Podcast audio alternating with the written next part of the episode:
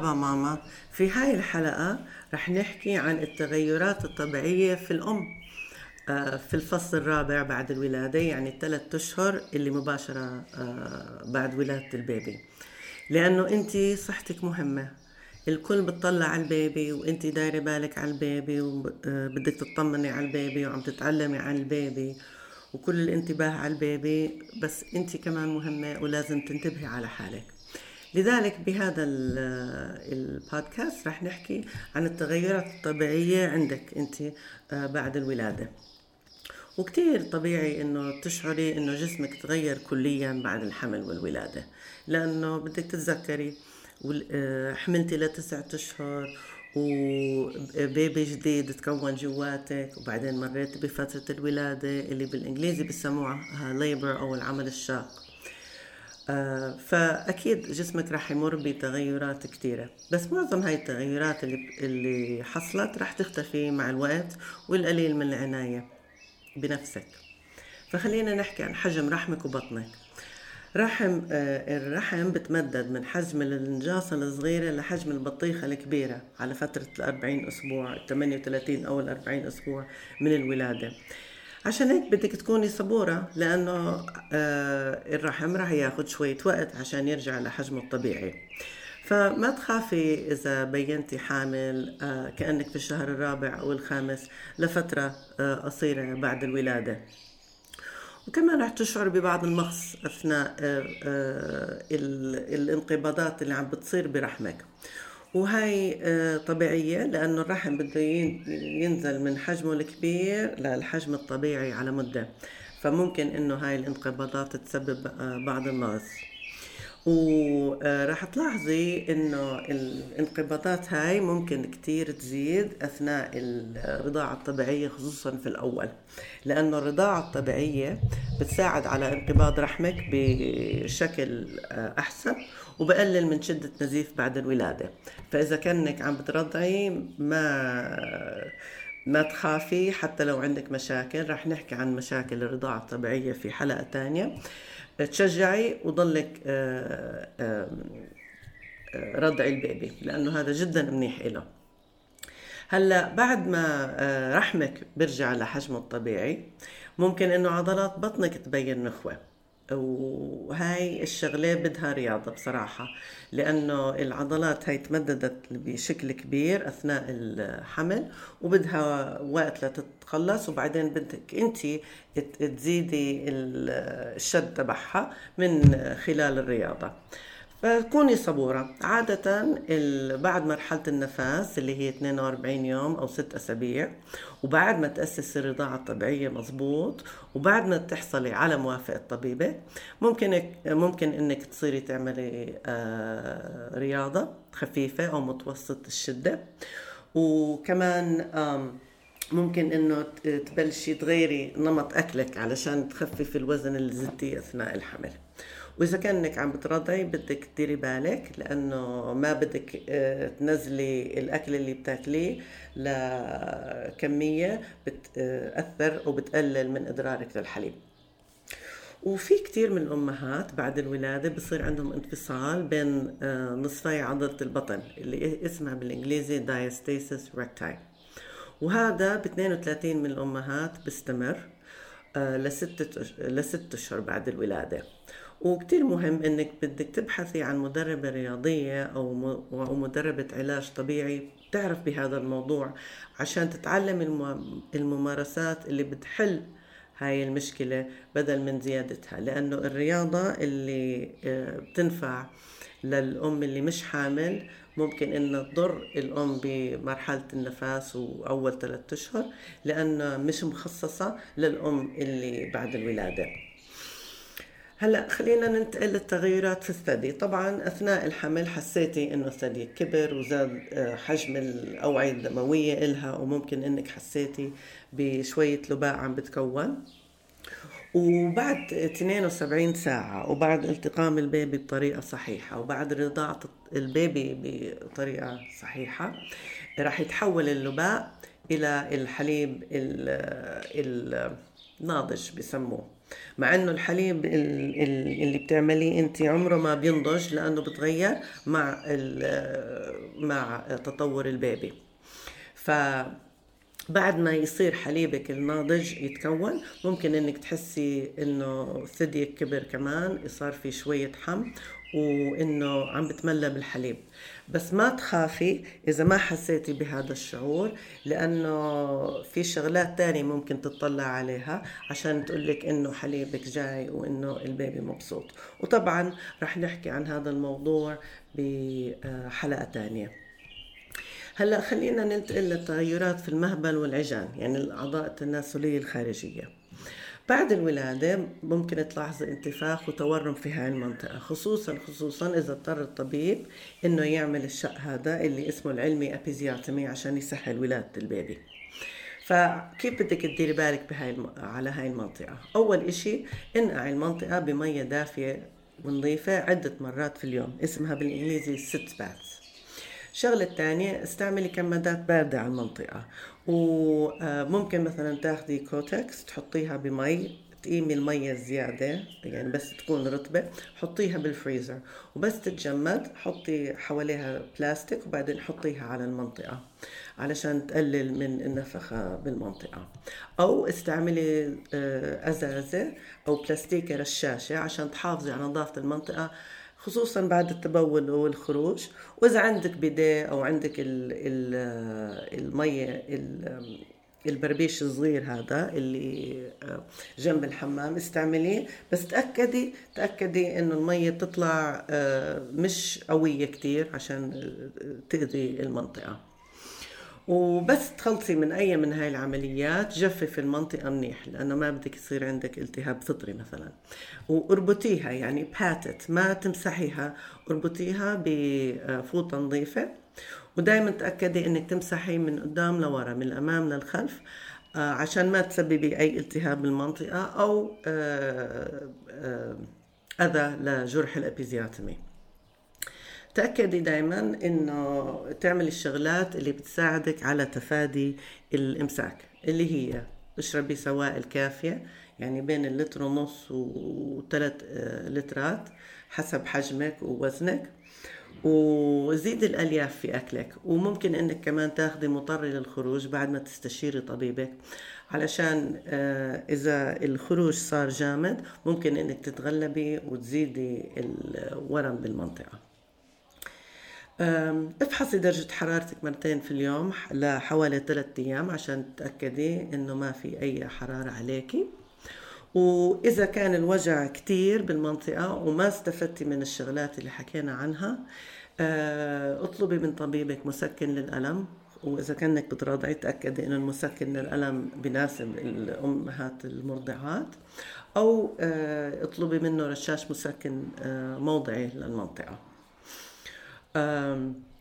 ومن ناحية طبيعية ممكن تاخذي ملعقة صغيرة من الكركم مع ملعقة عسل صغيرة حطيها بمية دافية كمضاد للالتهاب. وهذا بيساعدك مش بس مضاد للالتهاب وممكن يقلل من التورم في المنطقة وكمان جدا منيح للبكتيريا اللي عندك بالجهاز الهضمي اللي هي جدا مهمة لعدة شغلات بجسمك.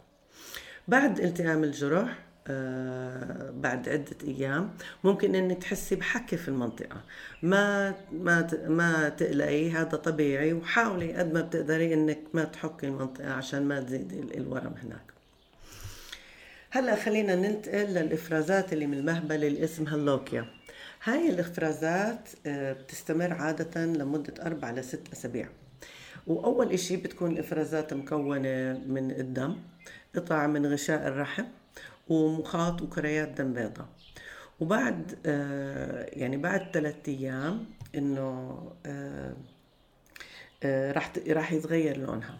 في أول ثلاثة أيام ممكن إنه تبين زي دم أو عادة طبيعية وممكن يكون فيها شوية كتل صغيرة من الدم. بس بين اليوم الرابع والسابع بصير لونه زهري أو بني وبتختفي كتل الدم. وبعد اليوم السابع حتى الأسبوع الثالث للست أسابيع ممكن يصير لونه أبيض أو أبيض مصفر. علامات آه، إنك لازم تستشير الطبيب. إذا استمر النزيف الأحمر لمدة بتزيد عن الأسبوعين أو كان فيها كتل كبيرة من الأنسجة أو الدم أو زادت كميتها بشكل ملحوظ راجعي طبيبك حالا. وهيك نوت صغير. ممكن الافرازات اللوكيا آه، ممكن تلاحظي إنها بتزيد لما تقومي من الفرشة أثناء الرياضة آه، أثناء الرضاعة ولما تشدي أثناء الخروج وهذا طبيعي. هلأ تغيرات في المثانة. إذا كانت ولادتك صعبة ممكن يكون في هناك تورم في جدار المثانة وما تشعري بأنك بحاجة أنك تبولي لعدة أيام. فلازم تكوني واعية لهذا الموضوع وحاولي إنك تتبولي عدة مرات في اليوم حتى لو شعرتي إنه ما في حاجة لذلك. لأنه جسمك بحاجة إنه يتخلص من السوائل الزائدة اللي تراكمت آه، خلال الحمل. وكمان إذا ظل ظلت المثانة مليانة التراكم البول في المثانة بيجعلك عرضة للالتهاب البول واللي ممكن الالتهاب البول بيؤدي بدوره لمشاكل في تقلص الرحم واستمرار النزيف ما بعد الولادة. آه، ممكن كمان تلاحظي إشي اسمه سلسل بول أو تسرب شوية آه، قطرات من البول لما آه، تضحكي أو تعطسي. هذا سببه تمدد عضلات الحوض والمهبل. فإذا كان عندك سلس بالبول هيك بدي اعطيكي بعض الإرشادات. أول إشي وانت بتبولي حاولي توقفي مجرى البول. يعني ركزي بتبولي ركزي إنك توقفيه وبعدين بتشدي على حالك من تحت وبعدين آه، كملي. اعملي هاي عدة مرات أثناء التبول. آه، شغلة تانية مهمة كتير هي اسمها ال Kegel exercises رياضة الكيجل. وهاي مهمة لأنه بتقوي عضلات المهبل وبتساعد على التحكم بالبول وكمان بتمسك العضلات اللي بأسفل البطن اللي بالحوض. فهاي الشغلة منيحة لك هلأ وعلى المدى الطويل كمان. فكيف بدك تقومي بالكيجل إكسرسايز؟ تخيلي إنه في ألم في مهبلك وشدي على هذا الألم لمدة 3 ل 5 ثواني ارخي عليه وعيدي هاي الشغلة عشر مرات. وبعدين اعملي هاي الشغلة ثلاث آه، مرات في اليوم على, على الأقل. بدي تكوني صبورة ولطيفة مع نفسك لأنه ممكن أول مرة ما تقدري إلا تعمليها مرة أو مرتين. هذا طبيعي لأنه العضلات بعدها مرخية. بس شوي شوي على مر الأيام مع المثابرة راح تلاحظي أنه عضلاتك من تحت راح تتقوى وراح تزيد آه، تزيد قوتهم وراح تقيل آه، يقل التسرب اللي عندك بالبول. آه، الشغلات الثانية آه، راح تلاحظيها بعد الولادة. مباشرة بعد الولادة ممكن يقل وزنك خمسة إلى تسعة كيلو. بس ممكن ما أكيد مش يخس كل الوزن اللي اكتسبتيه أثناء الحمل. فرح نحكي بحلقة تانية عن كيف بدك تعالجي وزنك بعد بعد الولادة. شغلة تانية ممكن تلاحظيها إنه حوضك صار أوسع وهذا ممكن آه، يضل هيك. يعني ممكن إنه حوضك صار أوسع على المدى الطويل. ممكن تلاحظي إنه حجم إجريكي صار أكبر.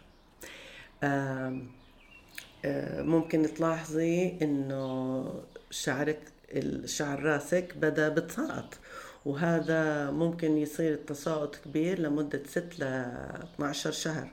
كثير أمهات بخافوا إنهم يصلعوا وهذا مش رح يصير. هذا إشي طبيعي ومتوقع لأنه شعرك زاد بكميات كبيرة أثناء الحمل. جلدك ممكن يصير جاف أكثر فممكن تحطي عليه مطريات. علامات التمدد رح تكون واضحة لبعض الوقت بعد الولادة بس مع الوقت رح تخف. عادة بعد السنة معظم الأمهات بيقولوا مش ملاحظينهم أبداً. بالنسبة للعادة الشهرية ممكن إنها ترجع العادة الشهرية بعد 8 أسابيع من الولادة آه، في الأم اللي ما بترضع وممكن آه، تتأخر في الأمهات اللي برضعوا حصريا. فبدك تكوني منتبهة إنه عودة العادة الطبيعية آه، مش مؤشر إنه بدي إياك تكوني واعية إنه ممكن البويضة تتكون وممكن إنك تصيري حامل خصوصا إذا كنك كنت مرضعة حتى لو ما رجعت عليك العادة الشهرية. لذلك قبل ما تمارسي العلاقات الحميمية مع زوجك أرجوكي أنه آه، تحكي مع طبيبك وتحكوا إذا إذا بدك تمنع الحمل آه لمدة.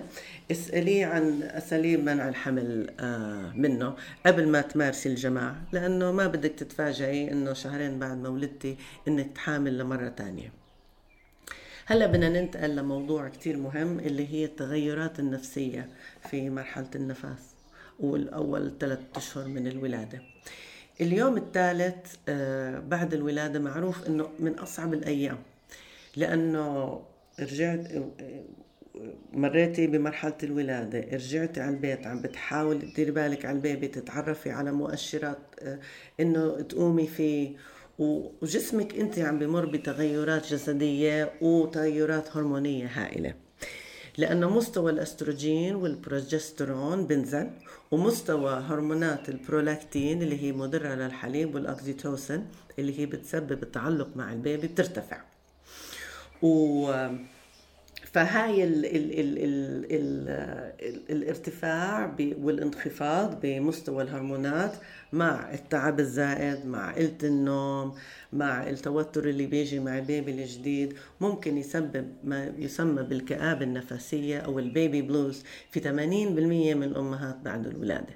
يعني ممكن تلاقي حالك تضحكي لحظة وإنك مطمنة وبعديها ثلاث أربع دقايق بتبكي بدون سبب واضح.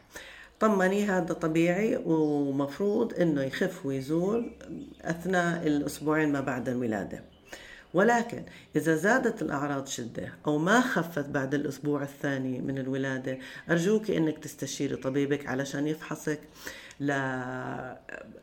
مشاكل سريرية مثل مشكل مشاكل بالسكر مشاكل بالضغط مشاكل بالغدة الدرقية. وعشان عشان كمان يفحصك لأعراض اكتئاب ما بعد الولادة.